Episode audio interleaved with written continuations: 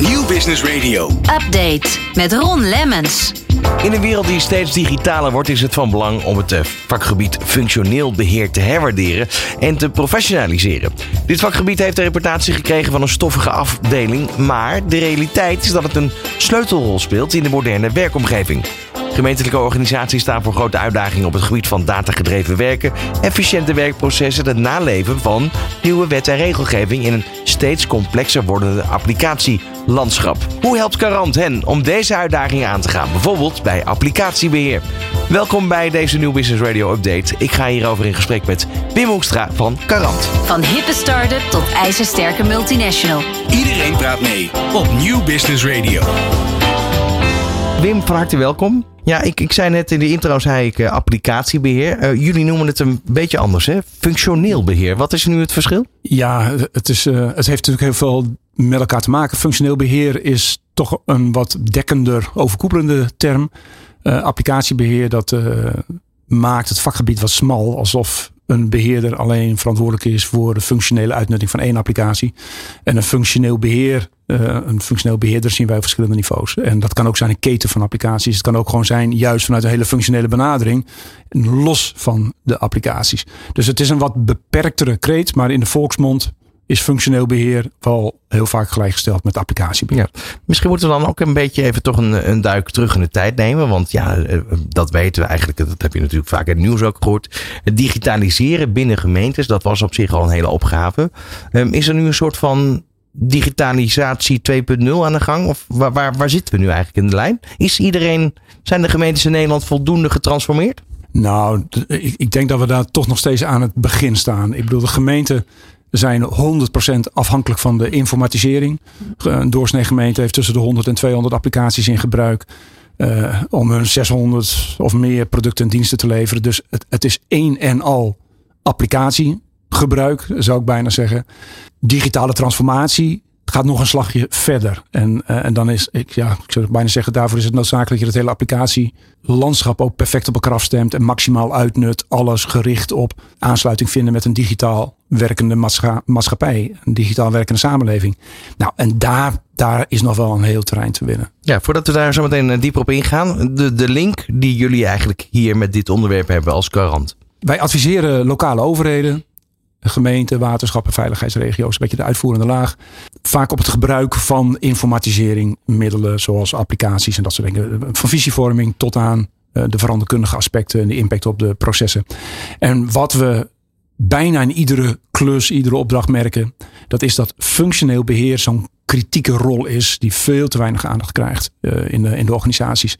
Goed ingericht functioneel beheer maakt dat de, de, de gebruikersorganisatie permanent goede ondersteuning krijgt, maakt dat een organisatie permanent doorontwikkelt in het gebruik maken van die digitale middelen, uh, maakt dat de, de organisatie permanent focus heeft op het effectiever en efficiënter inrichten van hun processen. Dus dan uh, ga ik even de pet opzetten van de burger. Eh, met andere woorden, dan zullen de processen sneller uh, afgehandeld worden. En daar worden we als burger blij van. Want de overheid heeft nog steeds wel ergens het uh, stempel. Het gaat allemaal wat traag. Uh, dan zie je daar dat dat eigenlijk echt wel aan het veranderen is. Uiteindelijk moet iedere burger dat effect gewoon merken. Ik bedoel, digitale dienstverlening, dat staat bij iedere dienstverlenende organisatie hoog op het lijstje. Dus bij een gemeente is dat niet anders. Tuurlijk in een goede aanvulling op fysieke dienstverlening. Hè, dat, eh, dat heeft een deel van de bevolking natuurlijk ook nog steeds nodig. Maar die digitale dienstverlening, die vereist een perfect op elkaar afgestemd ICT-landschap. En functionele beheerders spelen een belangrijke rol in het uh, voor elkaar boksen van dat doel. Ja. Uh, dus ja, de, de burgers merken direct als er goed functioneel beheer gevoerd wordt binnen een gemeente. Even dan de, businesskant hiervan. Hoe is dat ingericht in Nederland? Gaat dat per gemeente met welke partners zij bijvoorbeeld werken? Uh, bepaalt de gemeente dat zelf of, of gaat dat vanuit de provincie? Hoe werkt dat? Nee, dus een, een Nederlands het Huis van Torbekken noemen we dat. Hè, vastgelegd in de grondwet en in de gemeentewet. Drie bestuurslagen, helemaal zelfstandig. Dus ook de gemeentelaag is zelfstandig. En dat betekent dus ook dat de gemeente volledige vrijheid heeft in de keuze van zijn applicaties. Nou, daar kan je nog een heel verhaal over houden. Wat voor voordelen en nadelen dat heeft. Ja. Het is een feit. Dus iedere gemeente kiest het applicatielandschap met al die leveranciers die erbij horen. Waarvan ze vinden dat die het beste bij hen past. Uh, en dat levert best nog heel veel integratievraagstukken op. En iedere gemeente moet zich conformeren aan allerlei afspraken vanuit het Rijk. En sommige zelfs vanuit de EU. Uh, en al die applicatieleveranciers die doen hun best om te zorgen dat een gemeente ook in staat is om met behulp van hun applicaties daaraan te voldoen. Wat ook weer vervolgens heel veel druk legt bij functionele beheerders. Want die moeten zorgen dat die applicaties op die juiste manier ook ingericht worden. Ja, want waar zit de, de, zeg maar de beslissingbevoegdheid wat betreft binnen de gemeentes over welke applicatie wanneer gebruikt gaat worden? Want ik kan me voorstellen dat een, een pakket eh, zeg maar ingenomen wordt. Uh, hè, die wordt geïmplementeerd. Maar daar wordt niet alles van gebruikt wellicht. Nee, de, uiteindelijk, iedere gemeente is wat anders georganiseerd op dat vlak. Maar in de kern heb je informatiemanagementadviseurs, e-adviseurs, die de vakafdelingen, de business, laten we dan zo noemen, gewoon adviseren in welk applicatielandschap daar het beste past. De vakafdelingen hebben er zelf vanzelfsprekend ook een hele belangrijke stem in. Uh, en als er eenmaal een keuze is gemaakt, dan moeten we samen met de functionele beheerders de implementatie de functionele implementatie vormgegeven worden. En dan loop je ook daar weer tegenaan. Goede beheerders zijn ook in staat om applicaties te testen, zijn in staat om de roadmaps te bewaken van die applicaties. Zijn dus ook in staat om te zorgen dat die functionaliteit die die applicatie biedt gewoon maximaal uitgenut wordt. En ik heb zelf altijd wel eens de vergelijk uh, gemaakt met, met de Office pakketten. Iedere Nederlander gebruikt wel Excel, Word en PowerPoint. Nou, dat zijn natuurlijk enorm opgetuigde kerstbomen qua functionaliteit. En ik denk als je aan de doorsnee Nederlander vraagt hoeveel procent gebruik je, dan kom je misschien op 5 tot 10 procent uit. En, en dat is prima als iemand daar lekker mee uh, vooruit kan. Maar heel veel repeterende dingen die wij doen met Word, Excel, PowerPoint, die kunnen ongetwijfeld een stuk slimmer, efficiënter, makkelijker. Maar ja, er moet er wel iemand zijn die jou daarbij helpt. Ja, en, en wijst. En, dus die implementatie eigenlijk in goede banen leidt. Die de implementatie in goede banen leidt. En dat is een functioneel beheerder, een applicatiebeheerder. Dan ben je daarna, natuurlijk daarnaast ook nog afhankelijk van eigenlijk de kenniskunde van de medewerkers. In hoeverre eh, kunnen zij dit af en toe adapteren en tot zich nemen. Ik bedoel, dat, dat weten we natuurlijk al jaren. Er zit best nog wel een verschil in de leeftijdscategorieën. Dat de adoptie, het vermogen om eh, met dit soort applicaties te werken bij een, een wat oudere generatie vaak wat moeizamer is. Nou kom je wel op hellend vlak. Hè? Ik ben 64 ja, jaar. Dat dus maakt, nee, maar goed, dan herken je wat ik zeg toch? ja, mijn generatie plakt. Ja. Maar uh, maar ik herken dat natuurlijk wel. Die digitale vaardigheden is soms best wel rampzalig. Ook daar, een functionele beheerder is in staat zijn gebruikersgroep daarin te begeleiden. Ze te trainen, te helpen bij het, het, goed gebruik maken van die applicaties. Als dat een, een, een, beheerder is die zelf ook wat zwakke digitale vaardigheden heeft, ja, dan heb je het probleem wel ingebakken. Uh, en, en heb je een rem op de doorontwikkeling. Maar goed, dan, daar zijn jullie dan voor, om dat in goede banen te leiden.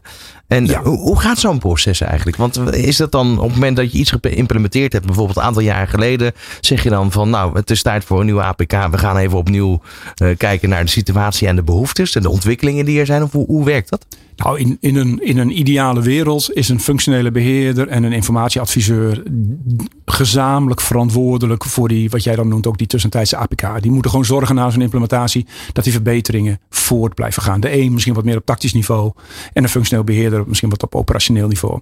Als dat niet zo werkt, omdat die rollen niet goed ingevuld zijn, dan kunnen wij voor die betreffende organisatie veel betekenen. Want dan gaan wij een onderzoek doen van waar staat deze gemeente in volwassenheid als het gaat over functioneel beheer en die functioneel beheer werkprocessen. Gaan wij kijken hoe, hoe waar staan zij met hun formatieomvang. Uh, we gaan kijken hoe groot die formatie zou moeten zijn hè, bij de omvang die ze hebben.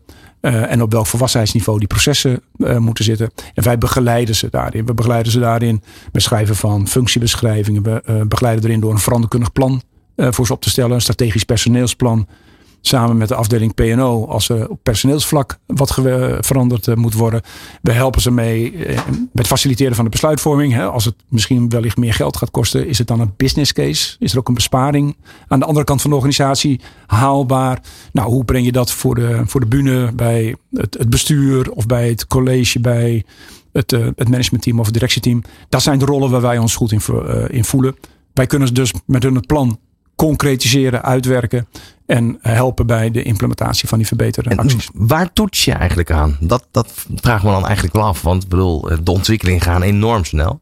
Ja. En wanneer is iets goed en wanneer vraagt iets toch om meer aandacht?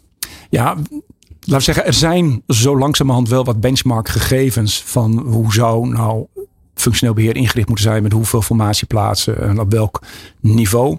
Wat wij doen is dat toch een even iets meer holistische blik. We kijken ook naar de ambities van die gemeente. Want als die nog een, een prachtige I-visie hebben, informatie, beleidsplan, enorme ambities op het gebied van data gedreven werken um, en, en elektronische dienstverlening en dat soort zaken meer. Dan betrekken we dat met de benchmarkgegevens van hoeveel hebben formatie heeft een gemeente in de rest van Nederland met die omvang. Uh, we toetsen dat ook aan het aantal knelpunten wat we nog boven tafel hebben weten halen. Dat hele samenspel maakt dat wij uiteindelijk het organisatorische plan maken. Van hoe groot, hoeveel, op welk niveau. En, hoe, en we brengen de gap met de huidige situatie in kaart. En we overbruggen die gap met een voorgesteld setje maatregelen. Daar komt het eigenlijk een beetje op neer. Dat is onze rol. En, en hoe ver toets je dan ook bij de burger? Ja, dat is een goede, dat is een goede vraag. Knelpunten, dat is wel een, een, een lekkere generieke term. Maar als je daar een dubbele punt achter zet. Knelpunten inventarisatie betekent natuurlijk ook wel dat we vragen: wat zijn nou de klachten? Wordt er aan, uh, meting van de, de, de klanttevredenheid gedaan? Uh, aantal gemeentes die, die vragen iedere keer als er iemand een dienst heeft afgenomen, ook nog eens van joh, hoe vond je het? De commerciële bedrijven doen het uh, al jaren, misschien wel eens tot vervelend toe. Maar die feedback loop zou je het liefst ook voor iedere gemeente wel willen hebben. Dus in een knelpuntanalyse vragen we wel bij de mensen die verantwoordelijk zijn voor dienstverlening wat, uh, wat zij ervaren. En dienstverlening is natuurlijk maar voor een deel van de organisatie. Er zitten ook heel veel beleidsmensen en er zitten ook heel veel applicaties die te maken hebben met voldoen aan wettelijke verplichtingen. Uh, maar ook in die takken van sport binnen de gemeente. We inventariseren knelpunten, we inventariseren de formatie en de kwaliteit van de processen. En we koppelen dat aan hun ambitie. Zie je daarbij ook nog een verschil tussen gemeentes qua grootte, bij wijze van spreken? Zie je het bijvoorbeeld dat de, de grotere gemeentes in Nederland het beter voor elkaar hebben dan de kleinere gemeentes? Of heeft het ook te maken met hoe innovatief ze binnen zo'n organisatie opereren? Ik, uh, ja, er is wel een kausaal verband zeg maar, met de omvang. Ik benijd hele kleine gemeentelijke organisaties niet uh, met, uh, ten aanzien van de uitdagingen waar ze voor staan. Want ze hebben feitelijk hetzelfde takenpakket als Amsterdam. Uh, maar ze moeten het met anderhalve man en de paardenkop doen voor ieder vakgebied. Dus het is heel kwetsbaar. Daarmee is ook functioneel beheerformatie heel kwetsbaar. Je ziet dat grotere gemeenten kunnen zich al meer veroorloven om, om een stevige centrale club neer te zetten met functionele beheerders en key users bij de vakafdelingen. En de kleinere gemeentes zie je dat ze te weinig formatie hebben. Dat ze het met parttime rollen gaan invullen. Met, vroeger zou ik altijd gezegd hebben van... oh, Piet heeft thuis ook een pc, dus die heeft er wel wat verstand van. Die wordt functioneel beheerder. Uh, daar worden heel veel, noodgedwongen, heel veel compromissen gesloten. En die dreunen nu ondertussen anno 2023 wel door. Dat dat het gewoon niet meer kan. En dat je dus ook als kleinere gemeente die professionaliseringsslag moet gaan maken. En maak je hem en is de uitslag uh, van een onderzoek wat wij doen, dat je, dat misschien best wel moeilijk te realiseren is bij de kleinere formatie. Ja, dan moeten we misschien ook een gemeente wel eens adviseren. Zoek samenwerking met je buurgemeente die wat groter is. Maar is dat dan ook niet een soort van, ja, in sommige gevallen uh, je op een onbekend terrein begeven, eng, uh, lang uitstellen, uh, dat soort zaken? Urgentie niet willen zien? Ja, ja dat, dat, dat speelt wel ik denk langzamerhand dat, laat zeggen, de, de, de managers van alle uh, vakafdelingen van een gemeente, die allemaal een passie hebben voor een vakgebied, er langzamerhand ook wel achter komen dat het doorvoeren van veranderingen in, in de organisatie steeds moeilijker gaan verlopen. En dat moeilijk gaan verlopen heeft toch te maken met de afhankelijkheid die ze hebben van applicaties. Dat die applicaties niet doen wat ze ervan verwachten. En dat ze aan de andere kant weer niet bij machten zijn met hun functioneel beheerformatie. Um, om daarin verbetering door te voeren. Dus het begint wel te knarsen. Ik bedoel, ik zie ook heel veel managementteams die willen dashboards, hè, business intelligence, BI, self-service plan. Maar ja, daarvoor moet heel veel werk verricht worden. Er moet data op orde zijn. Die komen weer uit die applicaties. Dan heb je dus mensen nodig die verstand moeten hebben van wat voor data zit er in die applicaties. En dan kom je toch weer ook bij die functionele beheerders uit.